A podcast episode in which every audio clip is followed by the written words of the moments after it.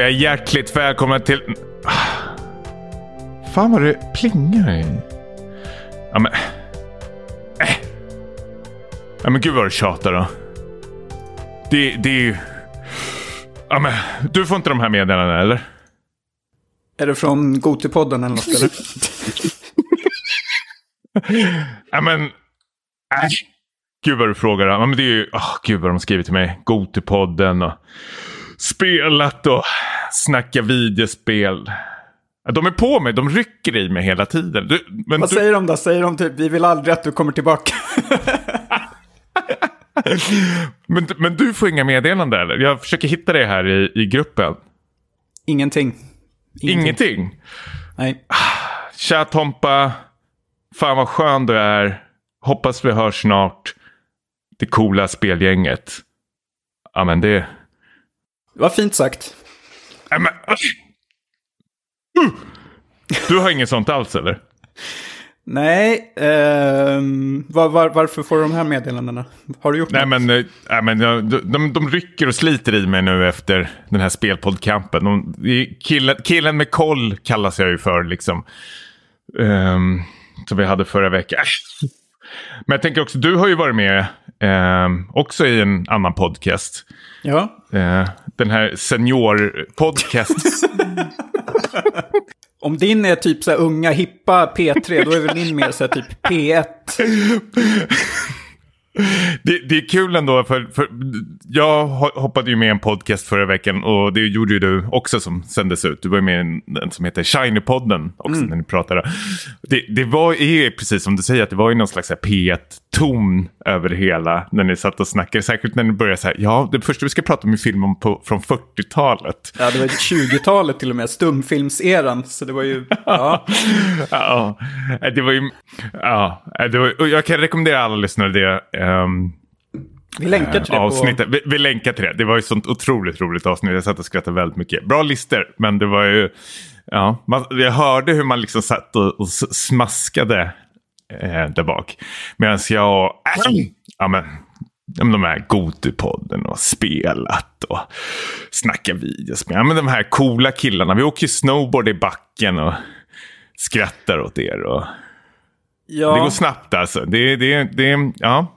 Du får hänga med farfar. Min känsla när jag lyssnade på avsnittet var, var ju typ att så här, jag vet inte, kom du ihåg när man typ gick i skolan och typ när ens bästa kompis skulle så här, hålla redovisning eller någonting. Och man var så här rädd att kompisen skulle göra bort sig, skämma ut sig. Det var inledningsvis lite sådana känslor jag hade, men eh, det, du räddade upp det bra. Jag har ju sett på nära håll liksom hur du har liksom kunnat bara med din karisma liksom ta över ett rum eller en hemmafest med, med din liksom utstrålning och få med dig eh, främlingar på tåget. Jag tyckte du gjorde ett väldigt eh, vast intryck. Du, du, får beskriva upp det som jag är någon slags diktator nästan när jag kommer till en fest och liksom börjar styra folk med så hela handen. och... du, du trivs ju i sådana där sammanhang till skillnad från mig. Det, det kan vi slå fast. Att vi, vi är ju bra på olika saker, du och jag. Uh, men ska du berätta vad det var för någonting då, som du var med i? Gör lite reklam. Nej, men vi, vi ja, men precis. Men det, det har vi redan, eh, vi redan, självklart, självklart. Men vi gjorde ju en sån där collaboration med eh, tre andra podcasts. Där vi har en, det är kul som fan, en sån här fantasy critic-grej. Eh, där vi ska tippa årets eh, spel. Vilka spel som kommer bli mest hyllade över eh, spelåret 2023 då, av kritikerna. Um, oh, ja, men jag vet inte hur mycket vi ska gå in på det egentligen. Vi länkar till det folk har väl lyssnat på avsnittet tror jag. Jag förstår att det är väldigt, väldigt, väldigt nischat eh, avsnitt. Men det var kul att göra som fan. Mm. Um, får jag sticka ut hakan lite? Eller vad tror du om vår lista för det första? När vi tittar eh. igenom det. Vi orkar inte dra igenom alla, men bara spontana tankar om det. Spontana tankar är, tankar är att vi är med och slåss om segern. Uh, mm. Det är väl vi och Gotipodden som jag tycker ser vassast ut. Uh, och... Uh, mycket, mycket hänger ju på liksom, eh, nu, nu under våren tror jag, det är då det avgörs nästan. Eh, mycket, mycket intressanta spelsläpp. Eh. Mm. Men det blir ju en säsong till vad jag fattar Alltså en säsong, det, är ju liksom, det blir en halvlek då mm. mot, eh, i sommar då. Så då ska väl, man ska väl skoskava in eh, några nya spel då. Men det återkommer vi med då. Hörru, ehm, Jag satt och, vi har en hel del uh, vi ska gå igenom idag. Jag försöker ta fram schemat här. Jag har en liten uh, överraskning till dig. Mm. Förra avsnittet, eller förra avsnittet, men vi pratade lite mer om att vi skulle... Um, du gav mig en noirlista som vi kommer väl uh, höra om snart, som inte jag har fått tagit del av. Men själva tanken med den var väl att jag skulle väl ta del av något år 2023 som jag liksom föraktar. Och då är det liksom film noir, att jag liksom inte har fastnat för det. Och då sa du att då ska du få en lista av mig på tio noir-filmer, eller hur? Mm, så var det sagt. Som jag ska, som jag ska pricka av. Och det, det är helt underbart, det är jag helt på. Eh, du fick ju någonting av mig. Vad var det? Att du skulle titta på The Shield, sju säsonger. Ja, ett jävla mastodontprojekt. Ja. ja. Vill du ta överraskningen eller vill du slå fast vid The Shield? Alltså jag är mer pepp på överraskningen faktiskt, om jag ska vara helt ärlig. The Shield känns jobbigt. Det, det, det, det känns ju som en sån här TikTok-grej. Ska du ta de här hundra ja. dollarna eller dubbla det? What's in the box? What's in the box? Ja, men få höra överraskningen då. Den är jag mer ja. peppad på faktiskt. Då stryker vi The Shield då. Ja, då stryker vi den. Det får bli någon, något annat. The Shield är stryken. Ja. Jag tänker att vi, det vi ska göra nu du, eh, eftersom jag ska liksom eh, bryta ny mark är väl kanske fel, men man, man ska väl gå in i sån här okänt territorium, vad kallar man det för egentligen? Sånt som man inte är bekväm med egentligen. Utanför sin comfort zone. Ja, tack. Jag såg nu på Netflix, det här är mindre tidskrävande än The Shield, så det, det ska du... Var tacksam för. Var, var tacksam för. Du ska ta dig igenom Animen Monster. Mm. Ja, det har jag försökt en gång tidigare och jag hoppade av efter några avsnitt. Men nu, vad, jag hur, såg att, mm. ja, men så här, jag eh, fick ett litet snabbt tips eh, att man kunde byta till eh, engelska på sin eh, Netflix. Eh, bara byter språket så får du liksom del av den här RRR och allting. Du känner till den här Triple ja, R kanske den heter? Ja, jag har sett den. Överskattad. Men ja, fortsätt. Ah, gud, jag orkar inte ens prata om det. Ja, men precis. Men om du, om du går in i din... Det här kan jag säga till alla lyssnare också. För jag tror det bara gällde nästan så här triple R-filmen. Men om man går in i sin... Alltså användare Netflix, byter till originalspråk engelska. Mm. Så dyker det helt plötsligt upp en massa med nya titlar. Och då såg jag bland annat liksom Berserk var där och sånt där. Men serien eh, Monster som jag har hyllat en hel del och jag har försökt få dig att titta på den liksom hundratals gånger. Den är inte så jätterolig, alltså den har inte så jätterolig att få tag på innan utan det har varit en sån där film, äh, serie man har fått eh, tanka ner liksom. Mm. Eh, men nu finns den liksom lagligt och eh, alla avsnitt och sånt ligger uppe på Netflix. Så jag känner att det är väl liksom... Det är dags. Det är bara, det är bara att hoppa på tåget. Hur många säsonger och avsnitt jag tror bara en, det är en säsong. Jaha. Ja, men då så. Det är, det är ju jättebra. En säsong och 75 avsnitt. Va? 75 en, avsnitt? En säsong och det är 75 avsnitt tror jag. Nej, vänta nu. Monster Anime. Det kanske inte är. Final Chapter. 74 avsnitt. Vad fan. Mm. Okej. Okay. Ja, ja, men det är korta avsnitt i alla fall. Men det är korta shit. avsnitt, det är 20 minuter. Och det här är ju... Ehm, ja, men jag, jag, jag, tror att... Eller jag hoppas att du kommer äh, gilla den här. Det var ju snack ett tag att... Äh, jag tror bara David Fincher som skulle göra det här, men... Um, jag vet att Tom Cruise pratade väldigt mycket om att han skulle ta del av den här uh, rollen och göra, att den har försökt filmatiseras flera gånger som tv-serie bland annat.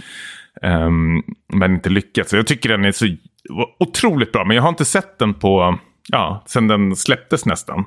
Uh, så det ska bli intressant. Och uh, grejen är att varför jag vill att du ska se den här är ju för att du hatar anime också. Eller du har svårt för anime. I alla fall anime-serier.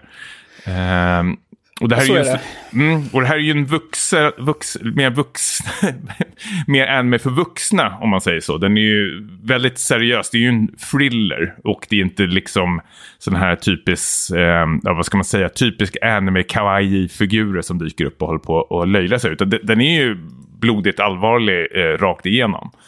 Mm. Eh, så det är, inget, det är inget trams du har fått. Men det vore kul att höra vad du tycker om den här, eh, faktiskt. Absolut, ja, men det var ju ett bra tips till, eh, till lyssnarna också det här med att byta till engelska. Eh, Men tänkte du också se om serien då eller har du inte tid med det? Jag har nog inte tid med det. Nej. Tänker jag. För du har väl inte tid att titta på mina jävla 10 noir-filmer du ger till mig. Jag tänkte nog göra det för jag har inte sett Aha. de flesta. Men eh, nej, men du behöver inte se om den. Det, Ja, men jag, jag, jag, får, jag ska försöka titta på det. Om vi säger kan ju så. se några avsnitt för att bara minnas lite Ja. tonen och sådär. Ja. Men, men jag skulle vilja gärna, precis som jag kommer liksom eh, prata om kanske de här noir-filmerna du ger mig så kommer jag, eh, vill jag även höra vad du tycker om eh, monster sen när du liksom plöjer dig igenom det. Vi kan få en liten uppdatering. När tror du kommer ta tag i det här projektet? Aldrig. Men jag tänker sommaren är bra tid för då kommer det inte så mycket annat. Då river jag av hela... inte då du Grejen. är som latast och inte orkar göra något ens. Ja, men jag får sträcktitta på monster. Ja, men vårkanten, eh, sommaren där. Blir, Ja, blir ja men spännande. Ja, du har året ut på det. Ja, och då kan jag väl bara nämna att eh, vi, vi tänker väl när det här avsnittet kommer ut, då, då lägger vi ut eh, info om det här. Och jag lägger ut den här noir-listan då. Eh, det får bli en sån här letterbox-lista som man kan följa.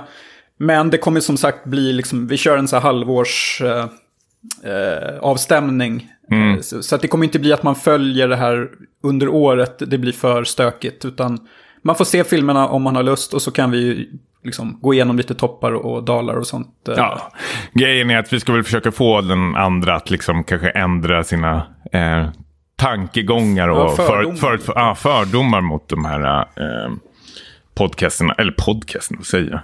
De här genres- Genrerna, ja precis. Ja, precis. Eh, Ja. Spännande, fan vad kul. Lät det bättre än The Shield? Ja, men faktiskt. Ja. The Shield, eh, den är säkert bra, men eh, jag är mer peppad på Monster. Ja, coolt.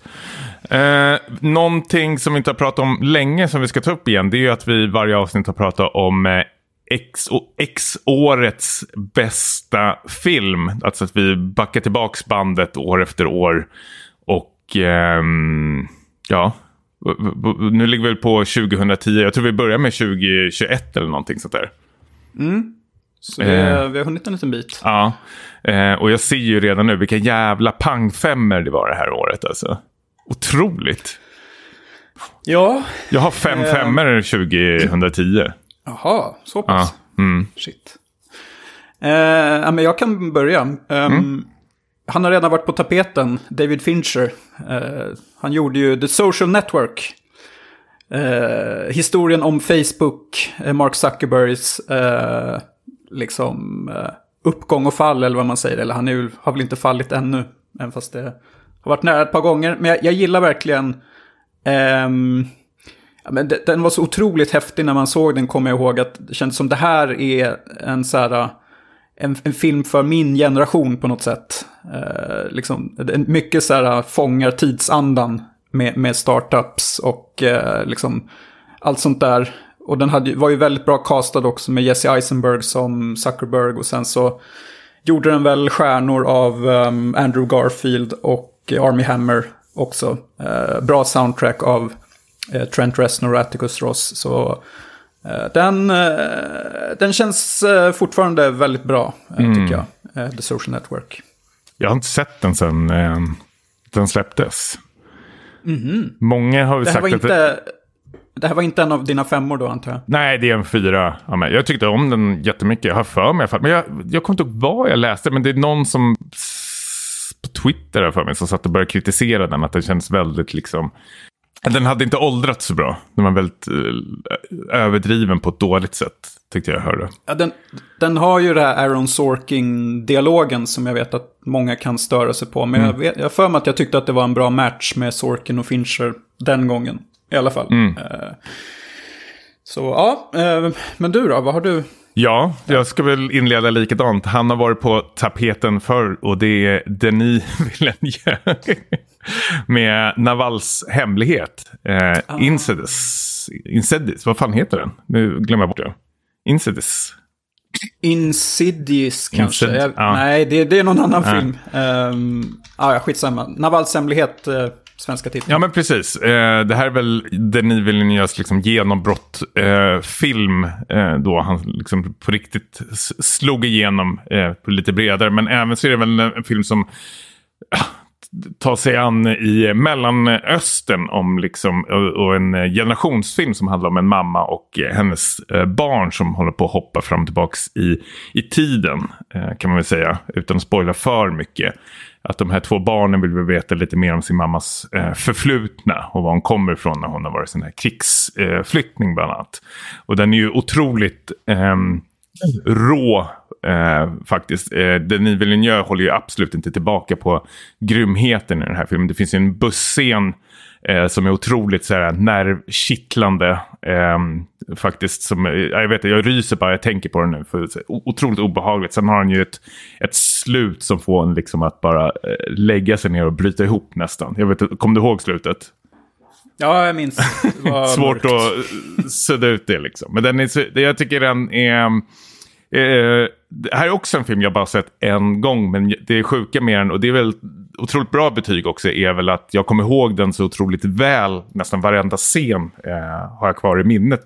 Eh, och det är ju bland det bästa betyg man kan få, särskilt när den har så många år på nacken eh, också. Mm. Eh, jag, vet, jag kan inte sluta tänka på den här, för mig är den eh, solklar eh, femplussare. Mm. Ja, men det är nog samma här. Det var ju första Villeneuve-filmen jag såg. Och, mm. Han har väl gjort ännu bättre grejer senare till och med, så han, är ju, han fortsätter ju liksom att bara överträffa sig själv, känns det som. Ja, jag kommer inte ihåg vem det var som sa det, men det var ju någon som, jag tror bara på Discord, frågade jag kan inte starta en Villeneuve-podd. och det håller jag med, vi ja, runkar ligger... av honom ordentligt faktiskt i den här podcasten. Varje avsnitt ja, var, Ska han tömmas? ja, ja, nej, men, men han, är, han är otrolig. Fy fan alltså. Är, ja. Hm. Jag tror det är väl den enda regissören du och jag liksom håller David Lynch också. Men liksom alltså man verkligen håller om hårt. Att... Ja, som typ um, aldrig har trampats snett hittills. Uh, I alla fall inte några rejäla snedsteg. Nej, han har så... Han kom ju med en ny film i, uh, 20, i år, 2023. Mm. Um, och med det, med ska det vi sagt. hoppa in på... Ja, gör det. Ja, men precis. Vi, för vi pratade ju lite om att vi bara skulle nämna lite av det vi ser fram emot 2023 eh, i filmserie och spelväg. Eh, jag har inte valt, liksom, försökt inte välja så mycket så uppenbara grejer som vi har pratat om redan för att eh, jag vill inte liksom hålla på och idissla det hela tiden. Utan jag försöker bara ta lite korta grejer som jag tror kan bli någonting. Men, men det vi, liksom, elefanten i rummet är väl då Dune 2 med, med Villeneuve. Eh, som jag inte hade tänkt nämna, men nu blev det så i alla fall. för den är väl, om man ska vara helt ärlig, kanske den filmen jag ser mest fram emot eh, 2023. Ja, men, eh, part 2. Får jag bara hoppa in snabbt? Men det är kul att du säger det, för jag har tänkt exakt samma sak när jag har tittat på mina eh, filmer och spel och sånt där. Man, eh, det är inte så mycket fast... Jag tittade på någon som hade gjort någon lista för jag skulle få lite inspiration. Typ, så man sökte på Most uh, Appreciated Movies 2023 och så hamnade man på en Reddit-tråd och någon började rabbla upp alla de här Fast and Furious och sånt. så var det någon, första kommentaren under var så här, This is the problem with Hollywood. Eller någonting sånt. att det var så uppenbart och, och tråkigt. Um, ja. Uh, så vi ska försöka hitta, och det är svårt samtidigt också. Jag har sett några så intressanta Sundance-filmer som ska komma. Eh, men eh, vi får väl se. Eh, fortsätt du gärna med att ta fram min lista mm. här. En film som kanske är lite ironiskt val på något sätt, men, men eh, det, det, jag är lite färgad av att jag håller på att spela Gran Turismo 7 till PS5 nu. Men jag har också med kommer ju... jag också med en Gran Turismo-filmatisering som regisseras av en av dina favoriter, va? Neil Blomkamp. Ja, jag gillar Neil Blomkamp som bara den. Uh, ja, han har väl ett visst... Han har varit lite i fry, frysboxen ett tag, men... Ja. Kanske kan komma in i värmen. Han gjorde ju den där tv-serien. Precis. Uh, um, och han har ju sånt otroligt härligt... Um, visuellt grepp, liksom, precis som vissa andra regissörer har, eh, som Zack Snyder. Att det kanske innehållet som inte är så eh, viktigt här, utan det är väl mer det visuella. Och jag tror, med det sagt, liksom, att han gör Gran Turismo och gör det lite mer och mer eh, intressantare faktiskt. Um, jag, kan, jag, tror vi kan eh, hoppas, eller hoppas, men många sjuka kameraåkningar och kameror på bilar och eh, sjuka vinklar eller någonting. Och vi, vi som inte tycker om motorsport, eller vi, jag, du börjar gilla det mer och mer. Ja, men det, de har ju visat en trailer för den här där de har liksom tryckt på att det är filmat med IMAX-kameror och att det här liksom är en film som ska upplevas i IMAX mm. med, med så här öronbedövande ljud och allting. Så att om den inte får helt usel kritik så kanske jag går och ser den här på IMAX. För det är ju även liksom David Harbour som verkar supertaggad för det här. Och eh, Orlando Bloom som liksom också har varit eh, borta ett tag men som nu kommer tillbaka. Jag tror att han spelar väl antagonisten. Danny Moore. Låter som en så här... Det är riktigt jävla as. Ja, ett riktigt ja. as. Eh, så jag vet inte, det kanske blir en ny så här, Days of Thunder med Tom Cruise. Det här, mm. kan ju hoppas. Eller, ja. Eh, vill du ta någon då? Ska vi hoppa lite fram och ja. tillbaka? Ja, ska, ska jag bara ta två uppenbara då? Så behöver man inte säga så mycket mm. mer. Men jag tycker ändå Christopher Nolans Oppenheimer är man ju sugen på. Det behöver vi inte säga mm. varför kanske. Men Nej. en som jag faktiskt är jättesugen på. Det, har man, ja, men det släpptes en teaser här om eh, veckan. Eh, och man har sett stillbild och folk det, det, är väl lite delade meningar om den här. Men jag, jag tycker den ser så här visuellt härlig ut. Och det är ändå Barbie-filmen. Mm. Med ja, Ryan Gosling och eh, Margot, vad fan heter hon? Robbie. Ja, tack. Precis, som regisseras av Greta Gerwig tror jag. Som är ja. så här creddig indie-person. Eh, mm. Och bara döma av teasern som kom så tyckte jag absolut den hade fångat någon slags härlig eh, ton över det hela. Um, jag vet inte vad det här kommer bli eller någonting sådär. Jag hoppas mest på en sån här eh, härligt um, så här sockersöt visuell härlig liksom, resa. Jag tänker lite svagt på typ så här Legally Blonde, Clueless, alltså någonting som får lite 90-talsskimmer eh, över sig. Mm. Ja, um, nej, men jag är också peppad. Jag har inte sett någon trailer eller någonting och vet ingenting om, om vad den ska handla om. Nej. Det är väl kul att kunna gå in så. Mm. Ja, men man har väl sett den här Trumps-bilderna eh, på dem. Eh, och ah, bara, bara så här, klädstilen de har är ju så här otroligt härligt eh, överdrivet liksom, i pastellfärger och allting. Ja, men jag, jag, jag, jag, är jättesugen på vad det här kan bli faktiskt. Jag är helt öppen för det. Jag tycker det ska bli spännande med Barbie-filmen. Mm. Eh, mitt nästa val är också ett lite ironiskt val på något sätt. För att jag, jag misstänker att det kan bli jättedåligt. Men, men det har den här intetsägande titeln 65. Är det något du känner till? Nej, berätta Nej. gärna. Ja, men det är ju Adam Driver som spelar någon form av så här, rymdfarare som kraschlandar på en planet. Ja, som visar okay, sig ja. vara befolkad av dinosaurier. Mm. Eh, som väl, ja men med 65 miljoner år sedan, så det är väl därav den här trista titeln. Eh, som de måste väl ändra, tror jag. Jag tror det är ingen som säger, ja men ska vi gå och se den här filmen 65?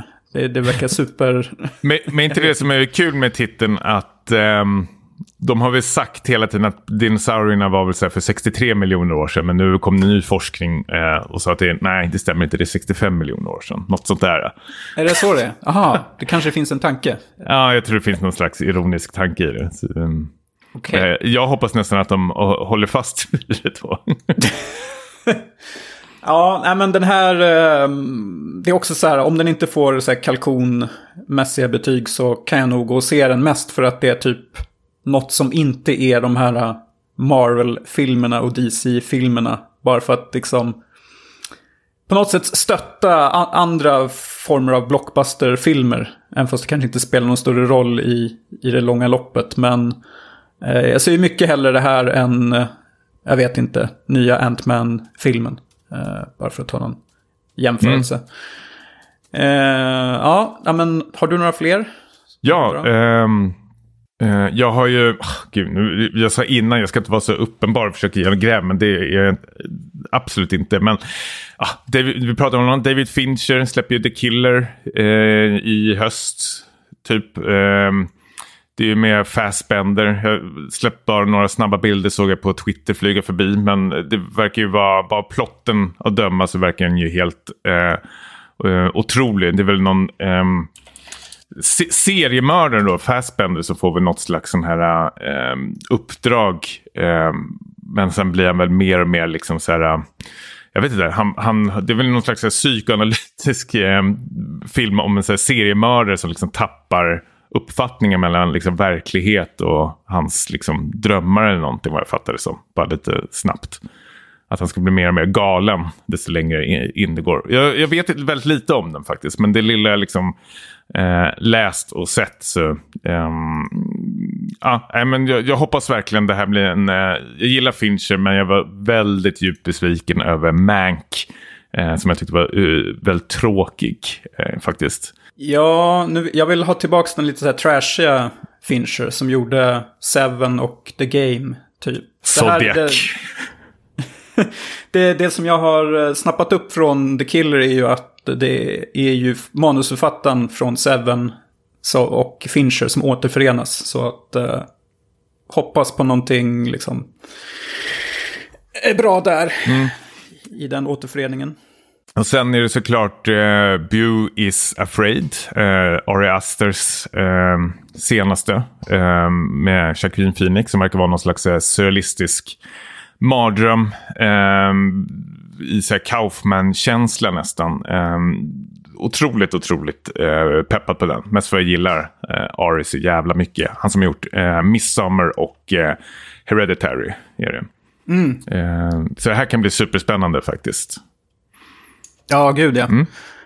Um, jag tror att jag tror att jag nämnde den förra, när vi pratade om 2022 års mest peppfilmer. Men då hette den Disappointment Boulevard. Den har ju bytt titel sen sist. Jag har två stycken eh, skräckfilmer som jag skulle vilja ta upp eh, också. Eftersom både du och jag är skräckfantaster. Eh, och jag såg en mm. teaser eh, som bara fick mig att krypa i skinnet. Den har fått, den har fått väldigt så här, ljummen kritik. Den har väl släppts på någon eh, Sundance-liknande. Eh, Skina, ma, sk, jag vet inte hur man uttalar det. Skina Marink. Skinamar... Skinamarink, precis. Ja, du känner ja. till det? Ja, mm. jag vet vad det är. Ja, men har du sett teasern till den? Teaser-trailern? Nej, det enda jag vet är typ att det är så experimentell skräck som typ ska skildra några barns mardrömmar. Ja, men precis. I ett hus. Och så det är väl någon slags 8 mm kamera eller någonting. Så det är väl någon som har sagt att det är väl någon blandning mellan um, Home Alone och Blair Witch Project. Jag är lite sucker för sån här fan footage, även fast liksom 99% av dem är pissdåliga. Men gillar ju, jag vet inte, jag hoppas på en liten så här paranormal activity-känsla i det. Bra, eh, intensiv skräck med här, saker som händer. Jag kan verkligen rekommendera att se teasern till den. Den spoilar ingenting utan den bygger väl upp en stämning. Och, um, det var det jag fastnade för. Mm. Eh, och sen har vi en, eh, en till film som nu visades på Sundance. Eller två stycken som, till, förlåt, som jag skulle vilja prata om också. Eh, Eyes mm. of the TV Glow. Eh, också någon slags eh, skräckfilm med Emma Stone eh, bland annat. Känner du till det här? Nej, inte hört talas om.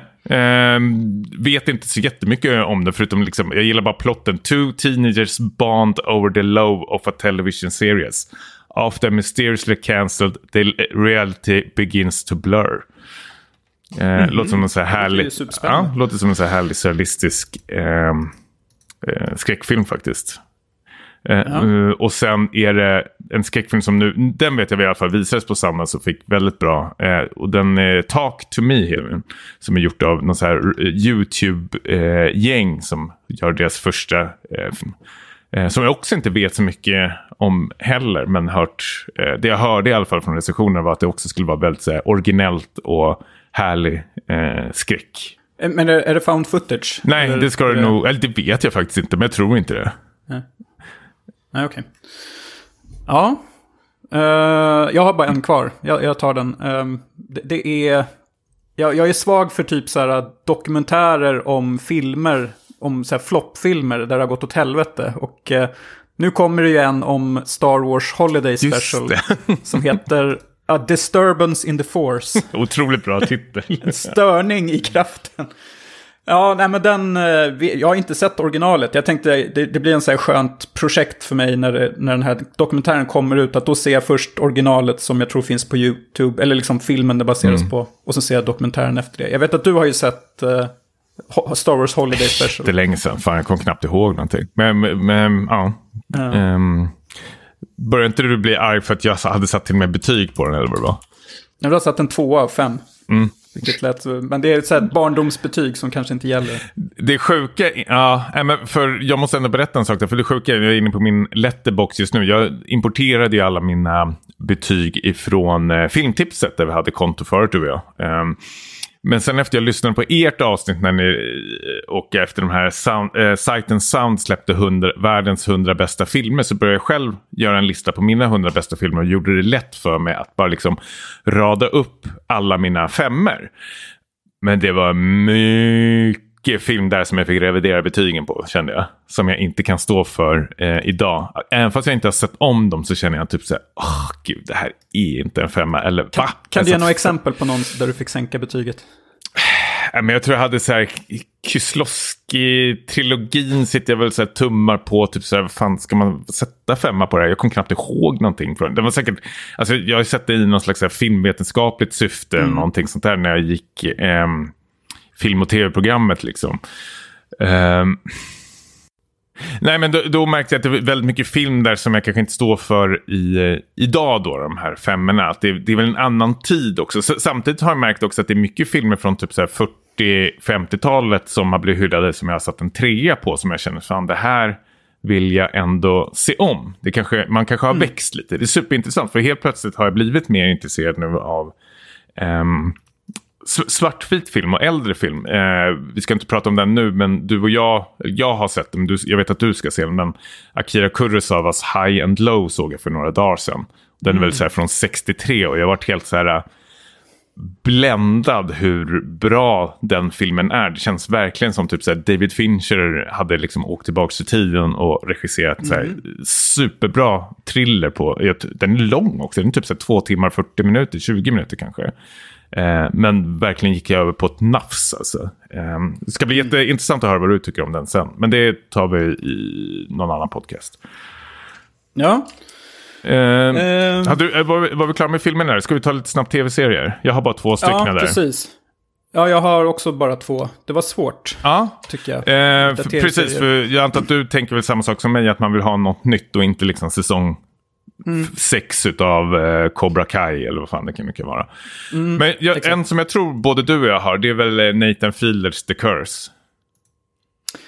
Eh, jag tog inte med den för att vi pratade om den nyligen, men absolut. okay, den ja, är, mm, ja, ta bort den eh, Men den, den är med. Ja. men då, då tar jag min eh, sista då. Och det är, en, det är en bok jag vill läsa, men som jag inte liksom vågat läsa för att den ska vara väldigt här, tung att ta sig igenom. Och den kinesiska boktrilogin The Free Body Problem som kommer som mm. eh, Netflix-serie. Kina var ju väldigt snabba med att göra sin egen version av den som släpptes för eh, några veckor sedan. Eh, men nu kommer liksom en... Eh, den, den är ju färdiginspelad och allting. Eh, den, här, alltså den ska ju vara omöjlig att eh, spela in har väl många, mardrömsprojekt nästan. Um, jag är supersugen på att se vad det här uh, kan bli och hoppas väldigt mycket på det. Men jag skulle vilja läsa böckerna först, men ja. I tegelstenar? Nej, nej, de är inte så tjocka, men de är väldigt så här, invecklade. Jag hörde väl någon, alltså det handlar väl, uh, lång historia kort, uh, är det väl att det handlar väl, tar plats i Kina under kulturrevolutionen. Samtidigt som de liksom skickar upp eh, meddelande upp till rymden, typ. Eh, som några utomjordingar flera år senare liksom så här, tar emot och liksom, eh, landar på vår eh, planet. Då. Men det är väl så här, hotfulla utomjordingar. Eh, och då ska den här kast, den här ska liksom vara rätt så okronologisk den här boken. Man ska hoppa med mycket så här, mellan tid och rum och allting. Allting hänger ihop. Mm.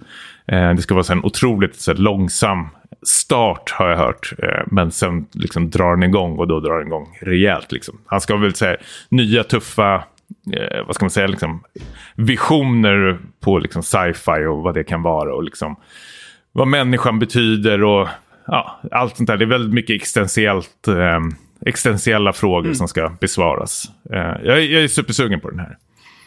Mm. Jag är också peppad.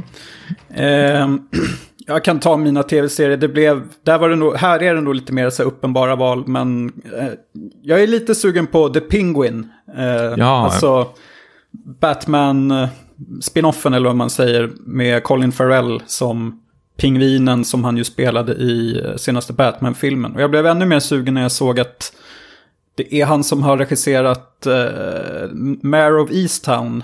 Som, som regisserade det här också. Mm. Nu har jag inte hans namn. Craig Sobel kanske han heter? Ingen aning. Men eh, både du och jag älskar Eh. Mare of Easttown. Fan, om man inte har sett den, det är liksom ett måste. Liksom. Ja, absolut. Eh, mästerverk. Finns på HBO. Eh, och sen så, om den kommer i år, men eh, den här Dune-tv-serien, har vi pratat om Dune mycket, men The Sisterhood heter den ju. Mm. Om de här typ, eh, ja, är det någon form av häxor eller vad det är som, som är med i filmen också? Som, det är någon form av spin-off som eh, regisseras av Johan Renck, Jaha. tror jag. Eh, pilotavsnittet i alla fall. Då, när han fick sparken Ehm. från The Last of Us så fick han göra det då. Han, han gjorde det här istället Mm. som, som det verkar. Eh, och... ehm, nej men jag, jag, det finns ju jättemycket att ta av här. Alltså i Dune-universumet. Uh, Villeneuves två delar är väl bara liksom en bråkdel av eh, eh, det material som man kan plocka från. Mm. Det, det är ju ett jättespännande universum. Jag har inte läst böckerna, men jag, när man såg första Dune-filmen så vill man ju liksom bara ta del eh, utav det här universumet ännu mer faktiskt. Jag tycker det absolut finns någonting här. Eh, Och Dune 1 var ju fan hur jävla bra som helst. Tvåan kommer bli... Ja, jag vet inte. Det är det ni vill en görs. Det är ju se. femplurrare på Det kommer bli bra. Ja, ja, herregud. Eh, cool. Ja, men jag håller med. Jag är jättesugen på det. Men kommer det bli Dune-serien? Jag har inte hört någonting om det. Eller jag har hört att de pratat om det, men visste inte att det är liksom... Det låter ju som en postproduktion från helvetet. Ja, det är nog ganska mycket som återstår. Det är därför jag är lite skeptisk till att den kanske kommer i år och... ehm, för att liksom Dune 2 ska ju... Dune Part 2 ska komma i... Sen november, december tror jag. Ja, men Eh, precis. Då känns det lite konstigt om det ska liksom krocka med tv-serien. Så det här kanske snarare är liksom något som kommer 2024. Mm. Om man ska vara lite skeptisk. Ja, jag försöker hitta någon slags här production date med IMDB har blockat mig. Ja. Jävla, jävla fittskalle. Ja, ehm, Ja. Ja, men ska vi ta bara lite spel också? Jag har inte jättemånga där. Så det jag har, jag har två fort. spel. Eh, så det är samma sak här. Eh, och det är verkligen spel som... Nu måste man ju tänka också de som man är peppade på rejält. Mm. För vi har ju stora spelsläpp, alltså när vi tittar på... Eh, till exempel när vi har gjort de här... Uh, prediction då, för vilka spel som kommer komma år. Men många av dem känner jag att jag inte är så sugen på. Till exempel, eh, du, jag vet att både du och jag är inte så stora fan av Hollow Knight till exempel. Så uppföljaren där, även fast det kommer få säkert jättebra betyg så tror jag inte du och jag kommer spela det faktiskt. Eller? Nej, jag kommer inte spela det. Eh, törs, jag, törs jag nästan lova. Ja, Eh, men jag, jag kan börja lite snabbt. Och det är, eh, första är ju ett måste för mig och det är Wolong-spelet. det är Team Ninjas. Eh, det har ju blivit någon slags favoritstudio för mig nu. Jag älskar Nio 1, Nio 2. Wolong är ju bara en, en fortsättning på det. Ehm, så det, det, det är ett absolut eh, måste för mig. Och eh, det andra spelet är ju ett, eh, ett tramspel. Eh, får vi inte säga jättebra betyg med. Jag älskar den spelserien. Jag sitter tusentals timmar med den och bara spelar. Och det är nya Earth Defense Force 6 som eh, ska släppas i år. Eh, det har ju släppts i Japan så nu sitter vi bara och väntar på release-datumet tills det ska komma här i väst. Men jag tror det kommer komma i sommar någon gång. Det kommer få blandat betyg, Swimming in Sevens, men jag, alltså IDF 5 och 4 är ett eh, fullpottspel av mig. För det är så jävla kul att sitta och spela med kompisar och bara tramsa runt i det. Jag tycker de är skitbra. Men kommer de till current gen då, eller Ja, är det PS4? De kommer till current ja, gen. gör det, Ja, ja. de kommer till både äldre och nya versioner. Eller nya generationer. Ehm, är det någonting du kommer ta del av någon av de här två spelen? Nej, det kommer jag inte gift på. Tråkig, tråkig Ehm, ton. Tråkig ton. Det, Om, det du, om, vi säger så, om du fick välja ett av de här två. Ja, men då blir det väl... Eh, vet, inget av dem. Nej, men Wo- Wolong då i så fall. Om jag ska... Det är något nytt och fräscht. Jag har ju lånat 9 och 2 av dig, som jag för något år sedan har jag fortfarande inte spelat. Jaha, nej, Eh, men det är inte, det är inte mitt, göra. det är ju eh, några, det är är någon någon, annan som jag har lånat av. Okej. Det går runt bara. Ja. Eh, ja, men eh, jag tar två stycken lite snabbt då. För vi pratade ju, eller nej det har vi inte pratat om, men eh, vi har ju vårt Blood Bowl 3-projekt, eh, men jag är också sugen på att försöka sätta mig in i Homeworld-universumet. Mm. För nu kommer ju Homeworld 3, som är den här superhyllade liksom, rymdstrategi-spelserien. Vet typ inte vad, vad, det handlar om, så att jag, jag är helt liksom blank där. Och det är möjligt att det här är liksom för avancerat för mig så att jag bara eh, skippar det helt och hållet. Men jag skulle gärna vilja liksom sätta mig in i något sånt här stort strategispel i år. Mm, det, var, det var ditt förslag att ta med det här spelet på Spelbollskampen. Och jag är inte så superinsatt i Homeworld-serien. men när jag liksom backar tillbaka och kollar de tidigare spelen så har det ju fått sig otroligt eh, hyllat. Det är ju nästan bara nio och tio överallt.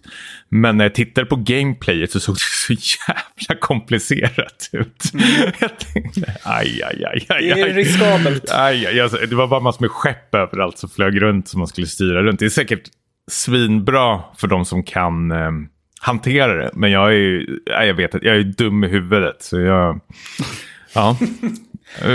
ja, Ja, vi får se. Mm. Det är, jag är osäker som mm. sagt. Men, eh, och sen det andra spelet, det är ju det här uh, amen, Chrono Trigger-influerade Sea of Stars. Mm. Som görs av studion som... Gjorde The Messenger. Gjorde det här, ja men precis, mm. The Messenger, det här Ninja-guiden-hommagen. Uh, uh, och uh, vi har ju haft nu Chained Echoes som jag är sugen på, som också är så här liksom JRPG-influerat. Men eh, jag tycker Sea of Stars ser supermysigt ut. Det, det blir ett så här perfekt Steam Deck-spel, misstänker jag, när det kommer. Eh, det finns liksom världskartor, luftskepp och, och, allt sånt där som ska finnas med, enligt mig. Eh, för det verkar ju som att Chained Echoes har liksom lyckats uppdatera det här till, eh, man säger, nu, nutid. På, med liksom ganska modern speldesign. Okej, okay, ja. Eh, men, men behållit de här men det ska ha ett väldigt bra stridssystem, mm. har jag fått intrycket av. Så jag hoppas väl att Sea of Stars um, lyckas med något liknande. Ska du spela Chained Echoes någonting då? Ja, jag har faktiskt tänkt göra det. Mm. Ja, samma eh, sak. Det skulle vi göra tillsammans, sa vi. Sa vi det? det ja, vi sa det. Okay. Ett av många projekt. Som... Fan, de här jävla projekten. Och som vi ska liksom gräva ner sen också. Mm, Går ja, aldrig mål. Om vi säger så här, har du något spel, eh, nu tar jag lite på sängen här, men har du något spel som du känner att det här är, vad ska man säga, det är, det är, en, det är en för övers överskattat, men det här tror inte jag på, som folk hypar efter. Ja, men det är väl Starfield i så fall. Mm. Ja, det... Som jag tror kommer, kommer liksom lanseras liksom i en så cyberpunk-liknande... Jag tror att det kommer vara ganska så här, trasigt och uh, lite så här... Det här snacket om tusen planeter tror jag kommer falla ganska ja. platt. För att jag tror att det kommer vara liksom väldigt trista miljöer att utforska. Ja. Nu är jag superneggig här, men... Eh, nej, nej, neggig, men man, vi måste väl kunna ifrågasätta, ifrågasätta. tycker jag ändå. Det är väl nyttigt det också. Nej, men jag, jag håller absolut med dig. Jag, det är såklart man hoppas att ett, eh, ett spel blir bra, men man måste även eh, ja, kunna känna och klämma på det innan det släpps ändå. Och liksom se vad det ger för signaler ändå. Eh, och jag håller med dig faktiskt. Ett, ett, annat spel som jag också får lite så här dålig eh, magkänsla över är ju det här eh, Rockstars ehm, eh, Suicide Squad-spelet. Eh, Rocksteady. Rocksteady, förlåt. Rocksteady, oh, gud. Eh, som är, ja men det, det är ju ja, samma studie som gjort Batman-trilogin och Arkham-trilogin då. Fast nu är det, vad jag fattar som är många nyckelpersoner har ju liksom hoppat av eh, den här studien och gått vidare. Eh, så studien finns ju kvar men liksom det är nya personer. Och det, häromdagen gick de väl ut med att det skulle vara liksom battle pass inblandat. Det skulle vara så här uh, games on service eller vad fan det heter. Um, alltså det är ett fyra player co-op med hjältar som ska ta liksom små raids. Jag känner nu, nu fick vi reda häromdagen att liksom Avengers-spelet blev liksom, inte cancelat men att de ska liksom lägga ner det efter två års tid. Uh, och ju, man måste ändå mm. tänka att det är Avengers-spelet uh, som är liksom en, bygger på en av världens största liksom, franchise och inte får liksom, tillräckligt med publik där. Då undrar jag liksom hur det här ska överleva liksom. Jag undrar, vad, vad, alltså det jag sett i det här spelet, det lilla jag sett är liksom, vad har det här spelet som kanske inte Gotham Knights eller Avengers-spelet eh, inte har? Um, Jag vet inte om du sa det, men det, det har väl snackats om att det är så här Game Pass, eh, eller Games as a Service-spel också. ja, men precis. Ehm, ja, Det brukar ju folk bli ganska uppretade ja, ja, men precis. Men, Och det kanske är befogat. Ja, ja, alltså bara för att eh, de lägger in det behöver inte betyda att själva liksom spelmekaniken och sånt är dåligt. Men, men alltså, risken med sånt här spel är att, när det är co-op-spel, är ju väl att det är, så här, det är oftast är det raids och så ska man liksom göra upprepande eh, uppdrag för att hitta ny loot och sen ska man göra om dem fast på en svårare svårighetsgrad. Liksom, att det inte finns något Ehm, um, djup i det. Alltså det Arkham-spelen vann väldigt mycket på var, för det första var det ju den här variationen på gameplayet, att du hade den här smygmekaniken som var väldigt, väldigt rolig att alltså, ta itu med. Det känns nästan som ett pussel när man var i Batman och kröp i de här luftventilationsystemet. Jag skulle plocka ut de här fienderna en efter en. Men sen var ju själva liksom, fighting-mekaniken i Batman-spelen väldigt eh, innovativ och, och, och rolig. Eh, den hade någonting i sig, liksom, att det känns som man liksom dansade med, mellan liksom, de här knapptryckningarna när man utförde sina de här komboattackerna. Eh, och det lilla jag sett på Suicide Squad, eh, jag vet inte, det är ingenting som kittlar till där för mig. Jag hoppas att jag har fel. Eh, men det är just nu, så går tankarna. En rolig grej bara som en parentes är att i vår interna fantasy critic-liga så har jag båda de här två spelen på min lista.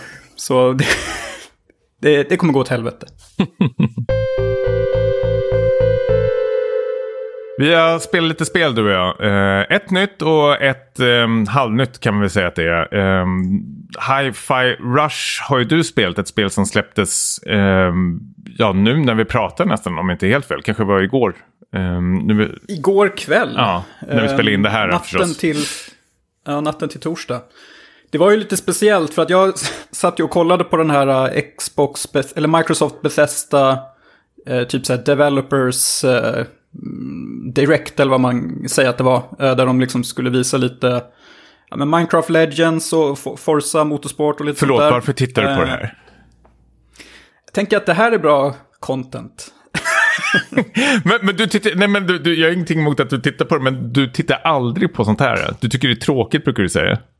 Och sen brukar du liksom d- lyssna vad folk säger på Twitter och sen bygga upp för, liksom... Jag tänkte att i år så ska jag börja kolla lite mer och se om det går rimliga tider som inte behöver sitta uppe mitt i natten. Det här gick ju så här klockan nio svensk tid, så det var helt Ja. okej. Eh, nio på kvällen alltså. Ehm, nej, men då var det lite datum och sånt som utannonserades. Och så dök ju då eh, Tango Gameworks upp med Shinji Mikami i spetsen som är väl mest känd för liksom, Resident Evil-urfaden, eh, kan man säga. Eh, men de har annars gjort sig kända för de här Evil Within-skräckspelen. Så det var väl det man trodde att de skulle utannonsera. Men då blev det ju då till allas förvåning och kanske förargelse ett eh, mer så här typ edgy rock-plattformsspel kan man säga med en, en så här wannabe rockstar som eh, får eh, en så här misslyckad så här operation som gör att han får typ så här robotdelar inopererade som gör att han liksom börjar eh, spöa upp andra robotar till, i takt till musiken. Han ser ut som dig, tycker jag. Och har samma musiksmak också. liksom tror att han är ball. Eh, lite, så här, lite attitydproblem känns det som.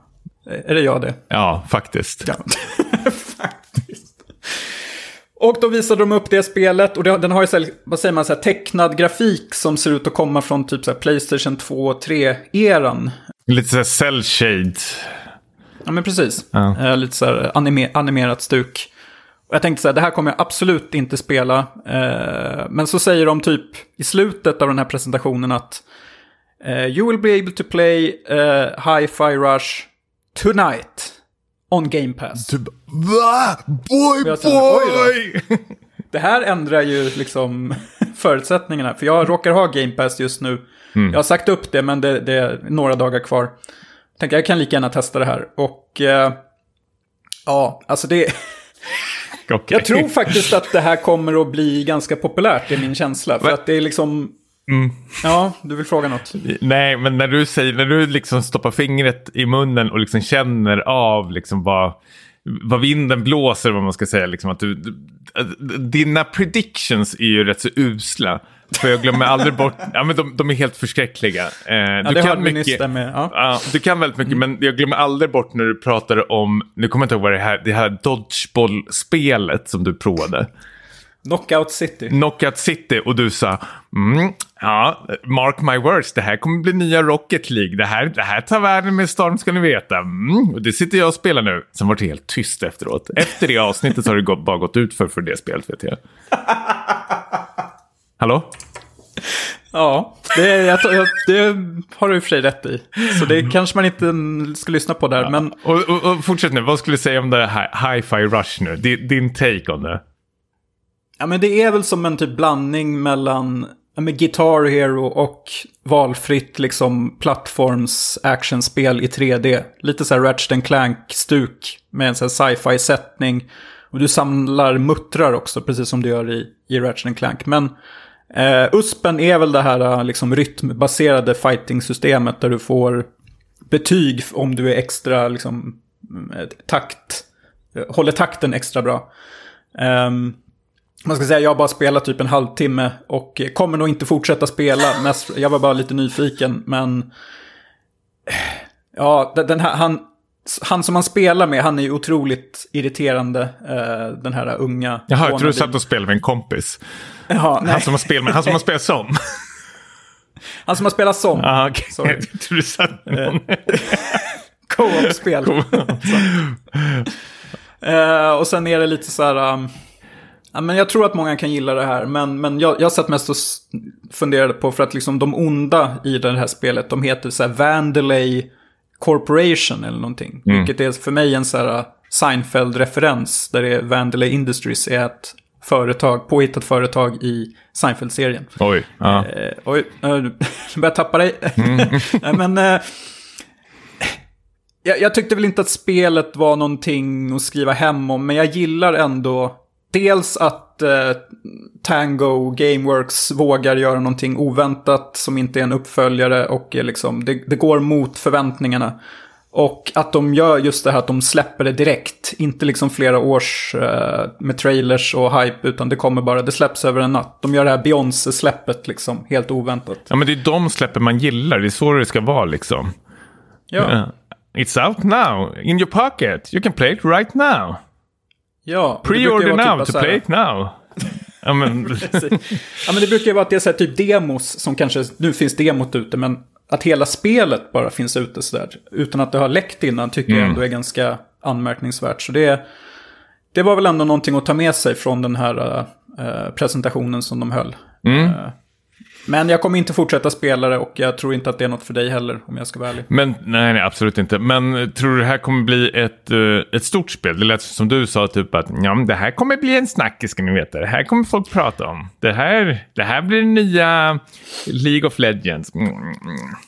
Ja, ja, men det här kommer nog bli ett... eh, hade- det varit... Uh, men ska vi gissa på betyg? Ja, men jag, Jag menar, jag, men, att få- ja, men jag menar inte betygmässigt. framgångsrikt. Ja, framgångsrikt bland, liksom, det är en snackis liksom. Eh, förstår jag menar? Att folk kommer spela det här Ja. som det vore...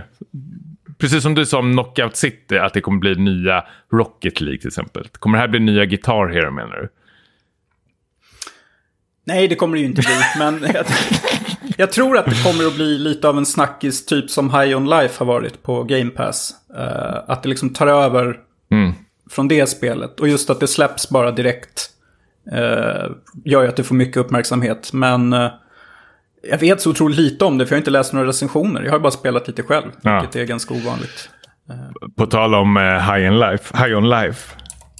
Ja, Justin Roiland. Ja.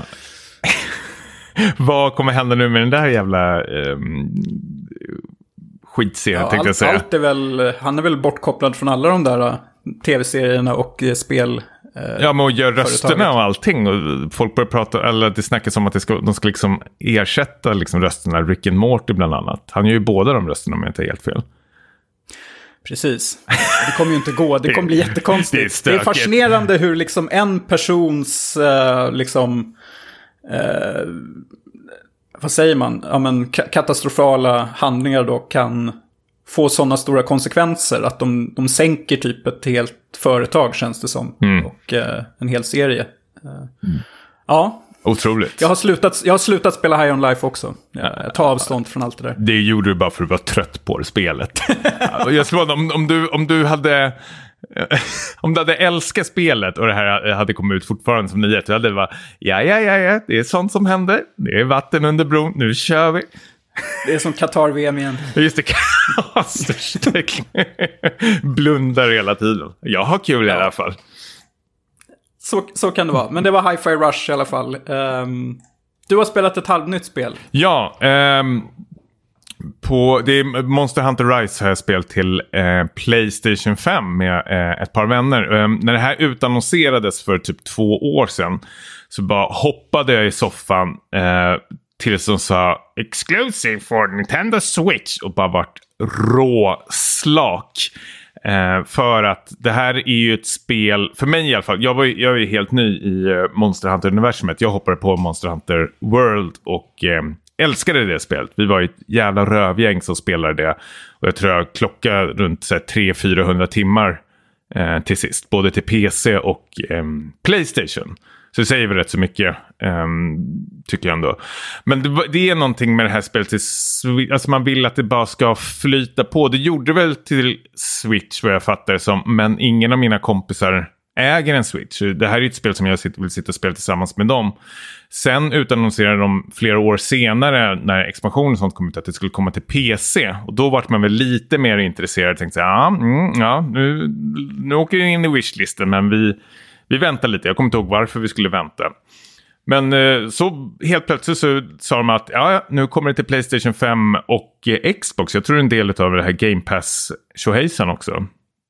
Du ser lite Jo, ut. jag, jag, jag, jag har sett det på Game Pass. Ja. Ja. Något du ska prova? Nej. Nej. Eh, så jag kastade mig över det här med mina vänner och det är ju liksom som man är ju tillbaka till eh, den här världen. Alltså det är inte lika eh, kanske vad ska man säga, lika liksom AAA-grafik. Den är väldigt lite mer cartoonig, eh, Nintendo-tillrättalagd eh, grafik, kan vi säga. Bara att de har skalat upp allting nu och det är liksom så här 4K, 60 FPS. Eh, det, det är helt otroliga vilka så här, eh, laddningstider också. När, alltså, bara för kort förklara folk som, alltså, jag tror nästan alla vet vad Monster Hunter-spelen är. Men det går ut på att du och ett gäng vänner, du kan spela själv om du vill, eh, eller mot liksom randoms eller med dina vänner, ska ut och jaga de här eh, monstren som man väljer ut själv. Eh, det finns såklart någon lövtunn story där som eh, liksom flåsar en i nacken, eh, som man är helt obrydd över.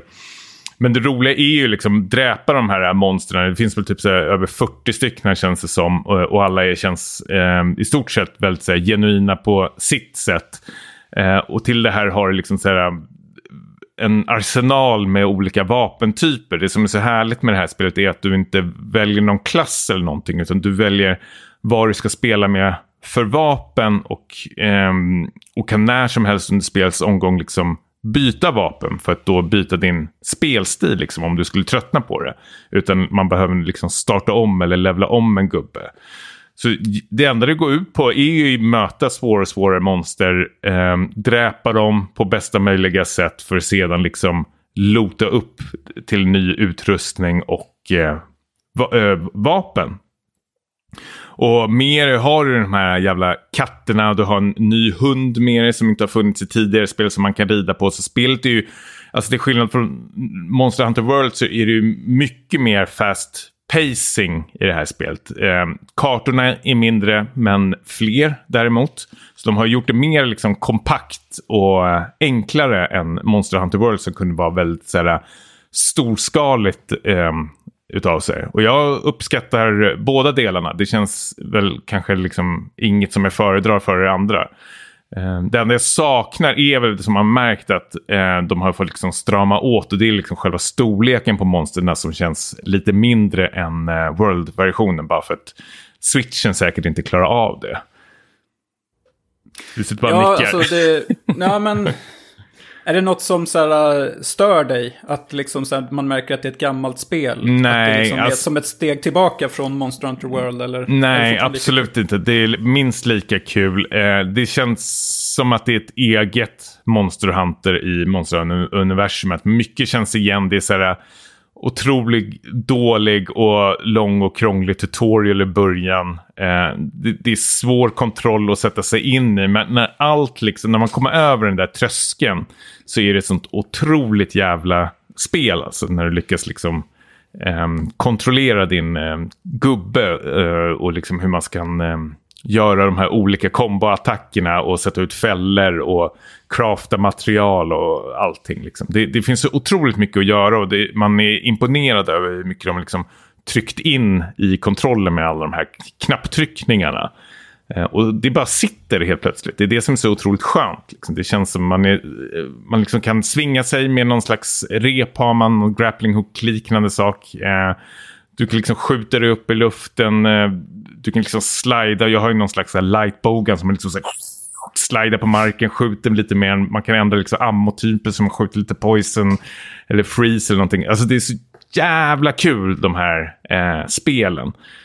Och det är sjukt bra musik också i den här staden man är i. De spelar så här gammal japansk pop-enka typ känns det som. Liksom.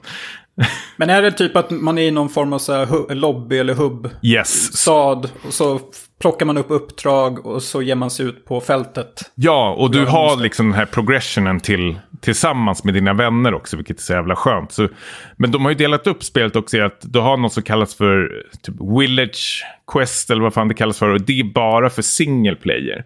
Och det skulle man kalla liksom för lite mer så här tutorial quest. Och de kan du bara göra själv.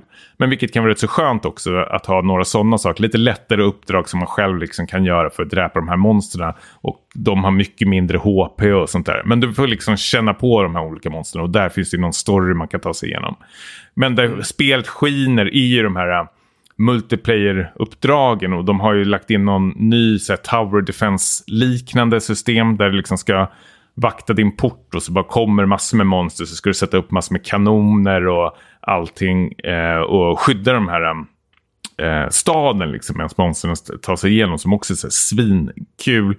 Du har arenor, du, alltså det finns hur mycket som helst att göra i det här spelet så det känns nästan positivt skulle jag säga att man har väntat de här två, nästan två åren. För nu är det så pass mycket liksom content i det här spelet. Jag tror det kostar så här 450 spänn eller någonting eh, på Playstation. Och det är absolut värt det om man är eh, Monster Hunter-fan. Om man gillar Monster Hunter World men missade Monster Hunter Rise då till eh, Nintendo eller dator. Så det, ja, jag säger absolut måste. Särskilt om du har några polare också så är det här hur kul som helst.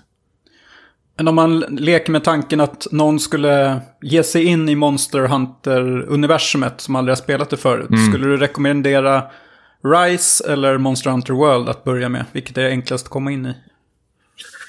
Nej, men jag skulle nog säga Rise faktiskt. Det är nog eh, lite enklare. Det är li li- lite lättare spel, lite lättare att ta sig igenom. Men det är samma tröskel i början vet jag att det är. Det är väldigt mycket menyer i början. Eh, knapparna sitter kanske inte där man tror de ska sitta. Alltså, eh, och det kan vara väldigt avskrämmande. Jag vet bara själv när jag började med Monster Hunter World. Jag kände så här, åh gud, vad fan är det här? Liksom, man, man liksom trycker fel och gubben liksom börjar dricka potions istället för att hoppa eller vad man nu ska göra. Ja. Ja, eh, och det, det tar ett tag. Men liksom det, det säger rätt så mycket. Jag tror vi började spela här en fredag och sen tittade jag på um, söndag kväll och då hade jag liksom klockat, vad var det, liksom 17 timmar redan över en helg. Och det säger väl rätt så mycket tycker jag. ehm, ändå. Alltså jag har spelat som en tok eh, senaste tiden. eh, ja, men jag, jag är supernöjd. Alltså det enda som grämmer mig över det här det är ju att jag inte kan välja det som ett uh, Gotu-spel. Ehm, Eftersom det släpptes för två år sedan. Alltså för annars är det ju, alltså det är, det är en fullpottare för mig. Är, jag älskar det här Jaha. spelet. Ja, herregud. Det är helt otroligt. Men jag, jag, jag älskar Monster Hunter World och jag älskar det här jättemycket. Det är skitkul. Eh, det är kul med vänner. Det är kul eh, att ta in random människor också. Jag tycker funkar, eh, funkar svinbra. De har fixat mycket som man klagar på i Monster Hunter World. Det här att man... ehm, är tvungen att titta på cutscenes i, i sin egna eh, hubb eller gameplay för att kunna spela med varandra. Det var så jättekrångligt multiplayer-system som de har liksom slipat till. Liksom. Eh, men jag har kul med det. Jag tycker det är helt underbart. Det enda jag tycker är lite sämre är väl det här eh, storslagna, episka som World hade. Att det känns mer liksom storskaligt, alla de här djuren och saker som händer runt omkring och sånt där. Eh, men annars är det liksom en fullpottare för mig. En slimmad version, men eh, Ja, lå- låter ju som att det är väldigt prisvärt också. liksom- absolut. Varenda öre. Eh, och nu kommer väl... ehm, Sunbreak heter ju expansionen som också ska vara hur bra som helst. Den har ju kommit till Switch. Och till PC har den kommit, men den har inte kommit till Playstation än. Det är lite konstigt att de inte vill släppa allting. Men jag antar att de inte vill skrämma bort alla med för mycket content samtidigt. Eh, men det kommer en expansion. Den kommer i vår, tror jag, till Playstation. Eh, och den blir ju liksom ett direktköp på, dirre på direkten. Ehm, så liksom jag känner väl just nu typ att jag, jag vill inte spela något annat. Det kommer bli Monster Hunter till i alla fall um, sommaren ut känns det som just nu. Aha. Ja, du sa ju förra avsnittet att du var lite utbränd för att Ja. spela för mycket samtidigt. Ja, Nu är det fokus på det här och det låter väl smart. Ja, ja men precis. Men det blir ju väldigt eh, kontextlösa podcastavsnitt i, i Tråkigt för framtiden. lyssnarna. Ja, ja, men Ja, då men det blir vi- Monster Hunter igen då. Ja, ja, vi dräpte samma jävla gosiga jävel. Eh, Vi löser det på något sätt. Ja, nej, men du får börja spela lite tycker jag. Lite eh, hi-fi rush. Mm, just. Man har ju inte direkt missat att eh, The Last of Us har ju kommit ut också. Eh, vi pratade lite innan du och jag hur vi skulle liksom tackla den här serien. Eh, och vi kommer fram till att vi, vi, vi har lite snabba första intryck men sen tycker jag ändå vi ska återkomma till den när den är klar. Det känns rätt så dumt nu två avsnitt in och, och säga liksom eh, vad man tycker när man inte har liksom hela, eh, vad ska man säga, liksom brädet framför sig. Nästan. Eh, men eh, jag kan ju bara säga så här att det var ju ett otroligt liksom, eh, påkostat och härligt eh, pilotavsnitt eh, de bjöd på. Och eh, då undrar jag hur ska man eh, toppa det här? Och det brukar ju vara på tv-serier. Pilotavsnittet brukar ju vara de eh, mest påkostade och allting. Men jag tyckte faktiskt att andra avsnittet eh, växlade upp eh, ännu ett steg. Eh, och kände, både jag och min fru som ser det här tillsammans tänkte, kände att okej, nu, det här är faktiskt riktigt, riktigt jävla bra. Nu är det två avsnitt i rak som de, det är ju, som de har femplussat egentligen. Ehm, och sen är det ju svårt att inte gilla Pedro Pascal också. Han, fan vad han är bra. Drömfarsan. Ja, drömfarsen. Eh, vad säger du då? Snabba intryck. Jo, men eh, jag håller ju med. Jag tycker det är svinbra. Ehm, det är svårt tycker jag att ge ett riktigt så här balanserat eh, liksom, omdöme i och med att man har så mycket historia med spelen. Eh, nu är det första spelet, det är ju ganska länge sedan man spelade i och för sig, så man kommer inte ihåg allting. Men, Och du hatar de här spelen också. ja, Nej men det gör du väl? Du sa väl till mig typ såhär, det, är typ ett sånt där jävla bögspel som bara idioter spelar. Nej, det, jag tror att jag tyckte att det var, första var lite överskattat, men jag tror att jag har ändrat mig lite nu. Eh, Efter att jag spelade tvåan som jag tyckte hade sina problem så, så inser jag nog mer att ettan är ganska fulländat faktiskt. Eh, Och eh, man känner ju igen vissa grejer, den här själva utbrottet i första avsnittet är ju otroligt otäckt skildrat och känns liksom nästan på pricken som från spelet, vilket var lite kul. Annars så gillar jag att de och det får de gärna göra ännu mer, att de tar ut svängarna lite ibland och lägger till saker som inte alls är med i spelen. Ja. Som första avsnittet börjar med den här, jag vet inte, en sån här talkshow med några Åh. forskare på 60-talet. Jättebra. Han, han, brorsan från Mumien-filmerna som sitter där och börjar prata om svampar som, som liksom kommer vara det som tar död på mänskligheten. Förlåt, brorsan ifrån Mumien-filmerna. Är det referenser som flyger över huvudet? Du vet vem jag menar, eller? Nej men jag har inte sett Mumien-filmerna. Jo, Har jag gjort det? Brendan Fraser. Jo, jag vet vad Mumien-filmerna är för något. Jag har ingen minne av dem. Han var den skojiga brorsan. Ah, nej, jag har ingen aning. Jag har inte sett dem Nej. då. Har jag Då- satt betyg på dem på Letterboxd eller? Ska du, ska du in och syra? Nej, nu blir det riktigt pinsamt här om jag har ett betyg på dem på Letterboxd. Det här är ju sånt som ska bort på direkten. The Mummy. Precis, hinner du sopa igen spåren här? Jag är snabb nu. The Mummy från 99. Ja, Två. Två, Två har jag satt på den. Ja, okej. Jag tyckte de var bra när den kom, men skitsamma. 99, ja, men- fan. Ja. Ja, men mm. The Last of Us då. Den, den scenen var riktigt bra. Och andra avsnittet inledde ju med en scen i Jakarta. Där vi får följa typ en så professor, eh, en kvinnlig professor som inser då att när hon tar de här proverna i det här labbet att det här, det går åt helvete. Det är typ så här, bomba stan och allting. Eh, och sen följs det upp lite i senare avsnittet när de går i Boston då och ser så här, ja de försökte bomba städerna, det lyckades på vissa håll. men Ja, så blandat resultat. Blandat resultat. Eh, en sak som jag tänkte också på som är så härligt är ju det här att ehm, de planterar så mycket framför eh, näsan på en hela tiden som man inte ehm, med på. Eller man, man, man, man märker att det händer någonting men sen när man börjar läsa kommentarer, allt från TV Time till jag läst, ut, här, läst tagit del av TikTok recensioner när folk säger “Did you know that?” Eh, och det är ju att eh, det här eh, viruset finns ju tydligen i det här mjölet. Alltså för, för det första är det den här Jakarta-grejen också som man hör på radion i början av avsnitt ett ju. Tänkte du på det? Jaha, det missade jag. Ja, nej, men du hör typ så att det är oroligheter i Jakarta, bla bla bla. Så, så, så tänker man inte så mycket mer på det och sen börjar man koppla till det andra avsnittet när det liksom inleds där. Men sen är det här um, inledning i, i pilotavsnittet också är att det, det här um, spåret, eller liksom den här giftigheten finns ju tydligen i mjölet också, planterar de. Och det är därför de håller på med den här jävla bakningen hela tiden. Deras grannar blir ju sjuka och de bjuder på sig kakor om och om igen liksom. Och har den här mjölgrejen eh, planterat eh, hela tiden. Och hon liksom tackar nej till kaka. Hon tar inte emot några mm, bakelser när de ska åka iväg med bilen. Och pappan gör inte det heller liksom.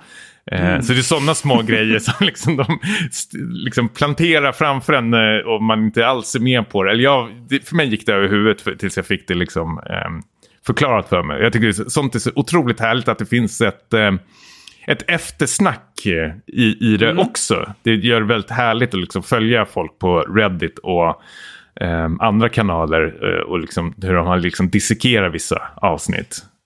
Och det, är en, det är en rolig serie att prata om.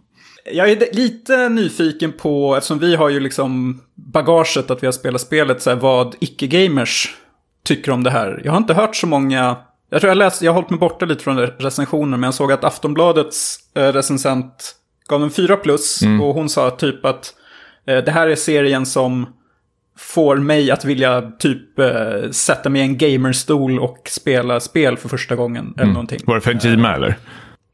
Nej, det var det inte. Uff. Nej, men, ehm, ja, men och sen så... För det är ju så här, det är... Alltså. Eh, ja, nu, jag har tappat tråden helt. Jag vet inte vad jag skulle säga med det. Nej, men... ehm, Ja, ja. för, det, för det är ju så här liksom... eh, jag tror att man kan liksom... eh, som i, inte har spelat spelen, att man tycker att det känns liksom bekant på något sätt. Det här storyn med en... Ja men typ en o, ofrivillig pappafigur som måste... Eh, eskortera liksom mänsklighetens hopp i en så här postapokalyptisk värld. Det, är- det är ju typ Children of Men. Fast eh, nu, nu... Man har ju lite grejer som gör att det särskiljer sig. Jag tycker att man... Jag hoppas att man verkligen går all in på den här med de här klickers och svampinfektionerna. Eh, för det är väl det som gör att det sticker ut från en, en vanlig zombie-apokalyps-historia. Jo, och eh, sen otroligt härlig monsterdesign som man gillade väldigt mycket i spelet. Men jag tycker att den ehm, obehagligheten har ju lyfts upp ännu mer i, eh, i serien nästan. Den har ju en otroligt bra scen i andra avsnittet när de är på det här museumet eh, och blir jagade av dem. Eh, och istället för, alltså zombies har man ju tröttnat på i sig. Men det här, det här är ju zombies men de har liksom skurat upp det med de här jag vet inte vad, de, vad det kallas för de har i munnen. Men så, man vill väl säga tentakler men det är väl inte riktigt det. Det är väl liksom så parasiter som Ja, lever sig vidare eller precis. någonting sånt där. Och man blir väldigt så här, äcklad uh, av dem rejält faktiskt. Då har de ju lyckats. Men jag liksom så här, um, börjar nästan kisa med ögonen i, i vissa scener. Ehm, nej, jag är su- su- supernöjd över de här två eh, avsnitten faktiskt. Eh, och kommer följa det slaviskt. Det ska bli intressant sen att se hur de eh, följer upp det här till säsong två. Som säkert kommer bli. Mm.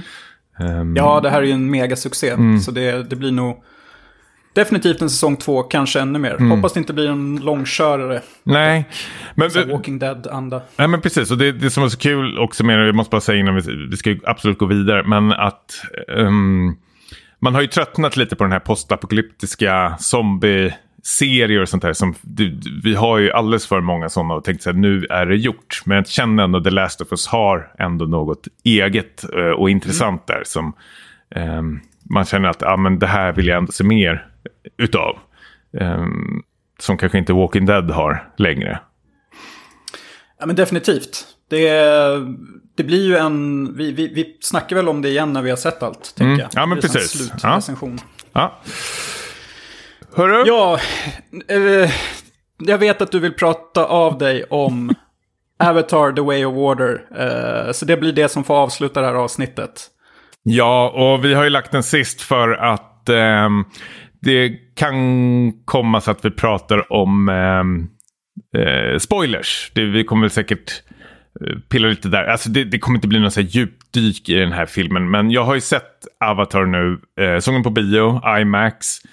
3D-glasögon, hela Tutti Balutti var det. Eh, får jag säga en sak som jag tyckte var jätteintressant med den här filmen? Ehm, och det var, eller själva bioupplevelsen. Och det var att jag för första gången i hela mitt liv har aldrig varit med om så många som har lämnat biografen. Är det så? Ja, det var faktiskt helt förvånansvärt. Eh, alltså många, men det var, jag, jag fick ihop det till eh, tre gäng i alla fall, sammanlagt, som lämnade i olika eh, omgångar. Alla tre Och gängen var... tillbaka. Nej, och inte kom tillbaka. Alla tre gäng var snubbar. och det var verkligen liksom macho-män. ehm, som, eh, eller pojkar och ungdomar, var lite blandat. Eh, som lämnade eh, och tänkte det här var väl ingenting för oss. Ja, det var intressant. ja. eh, och sen började vi prata om den på jobbet. Och eh, då pratade jag med en, eh, en kvinnlig kollega till mig som såg det med sin väninna. Och då hade hennes kompis under filmen, halva filmen sagt att ska inte vi gå? och det här är ju någonting som jag börjat letat upp nu efteråt. Att mer och mer människor, alltså liksom, jag vet inte vad man ska klassa in det som, men liksom, alltså det finns många som liksom inte orkat ta sig igenom det här. äh, Alltså, det, det, den har ju slagit rekord i stort sett överallt. Eh, den har ju spelat in... Ah, eh, Jag, nu har jag absolut inte på mig, två miljarder... Över två biljoner. Ja, precis. Ja, två miljarder dollar. Ehm, vilket är helt otroligt. Jag tror den är liksom världens mest femte inspelad film eller någonting sånt där. Ehm, Och det är kul. Ehm, vi får se var det slutar någonstans. Du hade väl tippat på att det skulle bli nytt rekord och du är inte långt ifrån det. Ehm, Nej. men jag såg det med en eh, kompis till mig. Jag kan ju säga på direkten, jag är inte så superförtjust i, i den här filmen. Jag kan absolut eh, se varför folk är förälskade i den, varför folk eh, tycker, den, tycker om den. Eh, en, jag tror jag och han jag såg den med, vi båda hade väl samma tankar när vi gick därifrån. Att vi, vi är ju båda småbarnsföräldrar. Vilket gjorde oss jävla irriterande på den här filmen med eh, den här familjen och barnet. Barnen ska jag säga också. Det är ju liksom fyra barn som den här familjen ska liksom ta hand om. Um, och det kändes väl mer typ någon slags så här, James Camerons take på Baby på vift. Än, än någon slags um, actionuppföljare. Alltså, jag, det, alltså ma, ma, den är ju snygg på det sättet att jag, det kändes som ett tv-spel. Alltså nu säger jag 40 saker samtidigt där, men jag fick någon känsla av att det var någon slags tv-spel nästan känns som ett långt tutorial-uppdrag man spelade i början. Eh, så man ville ju sitta och spela det här spelet, men det var ju väldigt... Kände inte du att det var väldigt så plastigt CGI? Det är snyggt, men det blir någon så här konstig uncanny valley-känsla fick jag av det här. Ja, det, det- det har väl lite att göra med den här high frame rate-tekniken Mm. från Hobbit-filmerna också. Att eh, Det är ju också att det växlar ju lite i actionscenerna och dialogscenerna. Ehm, ja, jag vet inte om jag tyckte att det var så här, Alltså det är ju någonting som känns lite uncanny valley i, i det. Det är ju inte liksom helt fläckfritt ännu. Nej. Ehm, sen har jag inte jämfört med första filmen. Jag, jag gissar att det, att det ser självklart mycket bättre ut nu i The Way of Water. Men det är ju lite som fattas. Um, nej, men det här med tutorial-delen är ju ganska intressant. Jag, an, jag antar att du syftar på när de kommer till vattenfolket och ska lära sig att simma och allting. Nej, Jag tänker på hela filmen var ju nästan som en så här lång... oj, en eh, lång eh, prolog till eh, någonting som vi ska få spela sen. Att den liksom mer byggde upp någonting. Eh, det var bara något som jag satt och, och tänkte, nu fattar jag själv att jag sitter och tar i från tårna här. Men det, det, alltså, det var som kompisen sa att det här, det här vore jättekul att prova spela. Hoppas spelet ser ut så här. Ubisoft-spel. Ja, men precis. Det kän- kändes väldigt påkostat. Men, men grejen är, man, man, jag, man stör sig på... ehm, alltså det, det jag inte tycker var jobbigt var ju den här familjen. Och hur man skulle liksom skola sina barn. Och det liksom varit en upprepande grej att de sa I'm sorry. Och sen klipp till ut och göra hyss igen. Och så var det liksom hela filmen. Alltså jag, jag tror jag räknade fram att det var så här fem, sex gånger. Att de liksom gjorde något hyss. Farsan sa till dem. De fick en, liksom, någon slags moralkaka de skulle förstå. Och sen liksom gjorde de något annat jävla hyss. Liksom, och så höll det på så där hela tiden. Så man var ju mer irriterad på de här äh, ehm, ah, barnen och hur det var skrivet. Jag tyckte det var väldigt så här, platt på det sättet. Eh, Ja, alltså jag håller ju med om att det, det är ju mycket... Man, man känner ju sig, som jag sa tror jag, att den, som den här Fox-producenten ibland. Att så här, det här kan man inte ta bort vissa delar för att tajta till upplevelsen. För den är ju ganska repetitiv. ja, Det, det, det, det mest slående är ju i sista actionscenen som är typ en timme lång. Och den är ju spektakulär och allt sånt. Men jag tror det är någon grej typ att, för då ska de ju rädda de här ungarna som är så fast, fastkedjade vid... de är inte ens fastkedjade, de har väl bara någon slags här S&M-skärp eller någonting som... Gummiskärp eller ja, någonting precis. som de sitter fast i. Ja. Ja, nej, men och, och då, då räddas ju ungarna och så sticker de och sen så helt plötsligt så ser de tillbaks i den där eh, knipan och är fastkedjade igen. Ja. Och då tänkte jag här, kunde inte det ha lösts på något sätt så att man slapp se det två gånger? Eh, så manuset är ju fortfarande, han har ju fått hjälp den här gången för att liksom göra det lite mer spännande. Och jag tycker att det, eh, det är fortfarande mycket så här cringe-grejer och, eh, och sådär. Men jag tyckte att det var, jag tyckte att, vad tyckte du om skurk, skurken då? Jo, men precis. Det var ju det som jag tyckte var... Ja, och jag gillade honom. Ehm, nu glömmer jag bort vad han heter, men Don't Speak-snubben tänkte jag säga här. Vad, vad heter han, uh, gubbjäveln? Steven Lang heter han. Eh, och jag, jag, han var väl helt eh, okej i första filmen. Eh, jag tycker väldigt mycket om honom i Don't Brief eh, första. Men här tyckte jag om honom, honom jättemycket. eh, På så mycket att jag hejade på honom under filmen och ville bara att han skulle liksom... Jag var ju liksom på hans sida hela tiden och ville bara önskade liksom att han fick tyst på den här äh, familjen. Familjen Men även där, Sullys. ja precis, liksom bara avrätta den där Sally-familjen. För jag, jag är ju, det är det som känns så hemskt också när man tittar på den här för mig. att Jag satt ju och höll på människorna. Vill liksom säga, ja ja, de här rundvarelserna, de verkar ju jag, vet, jag, jag störde mig så mycket på dem eh, hela tiden. Eh, att jag kände att, och, och människorna hade ju liksom de här tuffa, och det gillade jag väldigt mycket. Det är filmer. Det är alla liksom Camerons liksom militärteknik, kåthet han har. Eh, som är helt otroliga, alltså vilken design det är på dem. Alltså, som påminner om eh, aliens, att de har de här eh, grejerna de står på för att komma upp lite högre. De har de här eh, krabborna som de skjuter ut ner i vattnet, robotkrabborna som de kör. Alltså det är helt otroligt. Vapnena är svintuffa liksom. Men så fort du kommer till det här, vad heter, heter de Nami, det här folkslaget? Navi. Navi ser liksom... Jag är så ointresserad av det. Och man, känns den inte lite så här äh, rassig på sina ställen när de möter det här vattenfolket och de ska bete sig som så här äh, urinvånare från så här, ähm, Nya Zeeland och Australien. Att de håller på att göra så här med, med tungan liksom. Så aboriginer. Aboriginer, precis. Och det är... Ja, det, det är någonting där som, som skaver lite. Det, men det kanske är, för den är ju inspelad i Australien väl. Jag antar att Cameron har blivit influerad av, av någon rådgivare där eller någonting. Men vi måste ju näm nämna Ja. det som jag inte sa, men som vi har pratat om att det, det var ju en rip-off, Vattenfolket är ju en rip-off av Soras i Ja, just det. Legend of Zelda. Tänkte du på det också? Jag tänkte också på det. Vi började skicka massor med bilder till varandra. Eh, Och det var rätt så kul att du, både du och jag tänkte på det. det känd, alltså, de var, fy fan vad lika de var Sora-folket i Zelda. Ja, Nintendo Obehagligt lika. kanske bör skicka in någon form av stämningsansökan. Men, ja.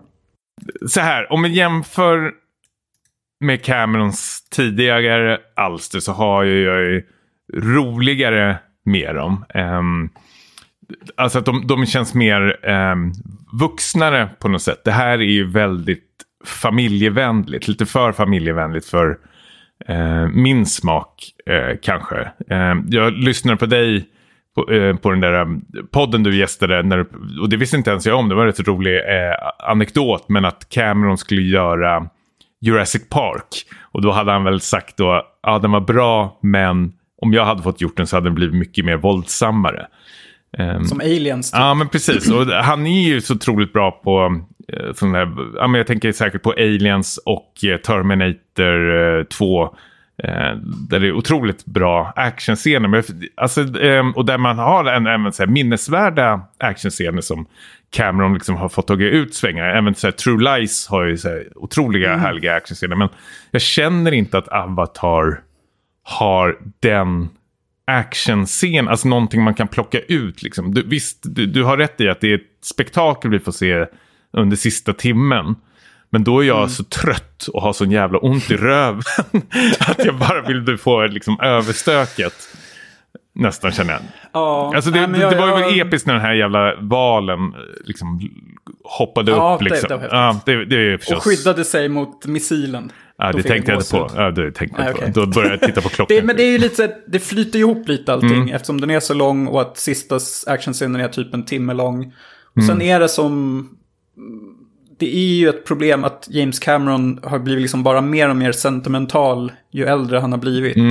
Eh, det, ju, det finns ju liksom glimtar av det i tidigare filmer eh, från typ 80 och 90-talet, men då hölls det ändå på en rimlig nivå. Nu har det ju liksom slagit över till att bli en så här cheese-fest på något sätt. Eh, med fam- familjen och allt det där. Så ja, nej, men jag, jag, jag gillar ju filmen framförallt för det du nämnde med typ vapendesignen. Typ Ja, men den är ju bra också. liksom den är helt sånt som man otrolig. Ja, men den är, den är ju fem plus. Den är helt ehm, otrolig. Alltså all, allt sån här tekniskt runt omkring som människorna här har. Det tycker jag det har de gjort ett jävla hästjobb på. Det tycker jag var jättekul att titta på. Eh, därför vart man så arg att det vart för mycket tid i djungeln eller vid vattnet. Alltså den är ju svinsnygg men jag kände att jag ville se mer utav eh, de här sci-fi elementen, alltså sci-fi tekniken vad man nu ska kalla det för.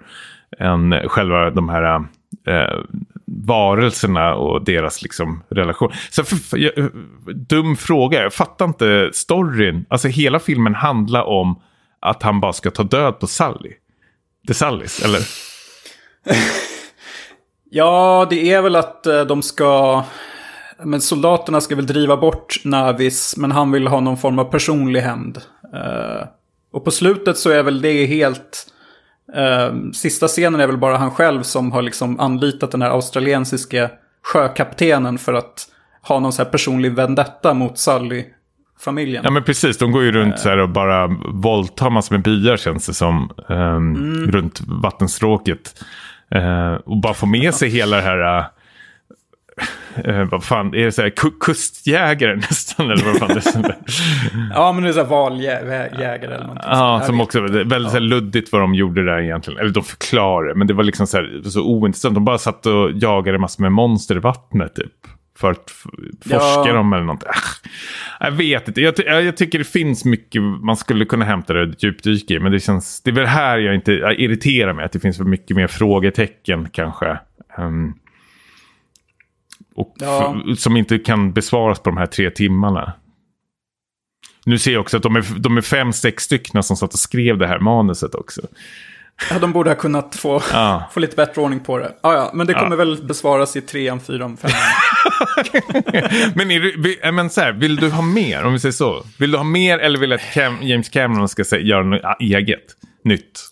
Jag skulle ju hellre se honom göra True Lies 2. eh, Men det kommer ju aldrig hända. Vill du hellre alltså, se en True Lies 2? Skojar du med mig? En gammal Arnold. Som har någon. Fick, har du inte fått det i, eh, som har en ung, ja, precis. Eh, har du inte sett det tillräckligt med hans eh, Terminator-filmer tänker jag? Arnold är väl någon Jo. man, som man är trött på. Han har nog kanske gjort sitt. Ja. Nej, men jag tänker med Avatar, det, det är väl någonting man ser kanske var femte år.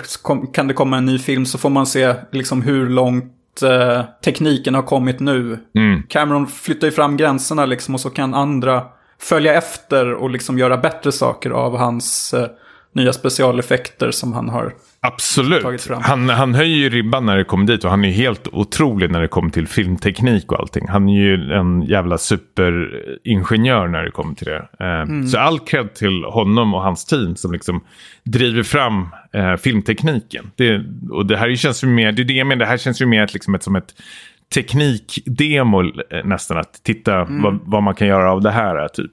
Ehm, och det är ju ballt. eh, på det sättet. Ja, ja. Eh, ja, men jag tycker vi lämnar Avatar där. Det var skönt att få prata av sig eh, lite. Jag tänkte att vi ska mm, eh, damma av filmklubben nu när eh, vi har dragit igenom alla Gotu och Motu och Totu-listor. Så nu är vi tillbaka till filmklubben med våra lyssnare igen. Du har sagt till mig att eh, du ska välja film den här gången och att du vill presentera den nu i podcasten. Utan, Ja. Så jag vet inte vad det är för någonting som gäller. Nej. Och jag ser att du Nej, ler nu, så det är något riktigt jävla tramsigt ser jag nu på direkten.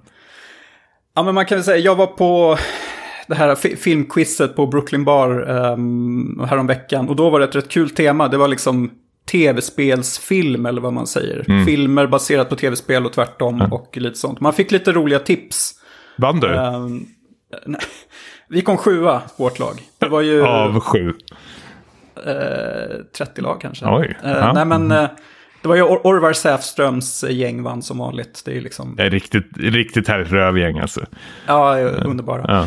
Eh, Men då dök det upp en film som jag aldrig har hört talas om. Som heter Maces and Monsters. Som är tydligen typ Tom Hanks första huvudroll. Det är tidigt 80-tal det här. Och det är en film som liksom kom som en motreaktion på den här.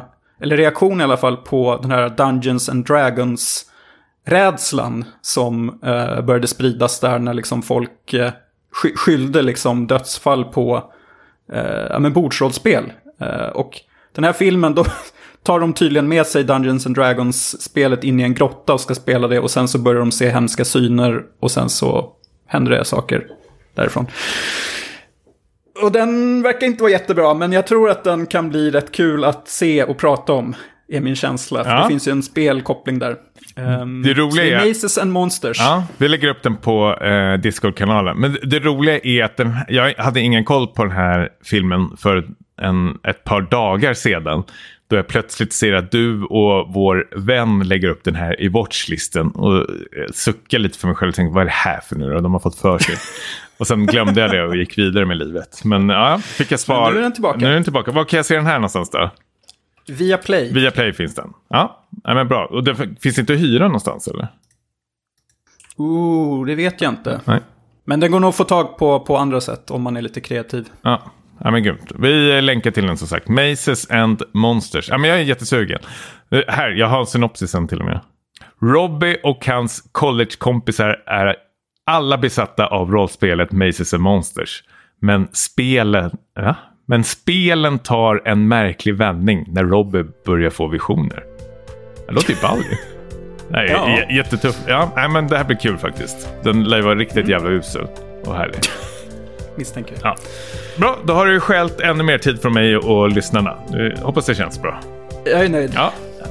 Hörru, vi, eh, ska vi avrunda där? Ska vi tacka så mycket för alla som lyssnar och um, eh, glöm inte att följa oss på Twitter och Discord-kanalen och allting. Kom även med lite recensioner kanske. Sl- Släng in något Ja. betyg där. Ja, Mm. gör det. Ja. Snälla. Nu är vi igång. Ja. 2023 på allvar. Det känns kul. Nu kör vi! Uh!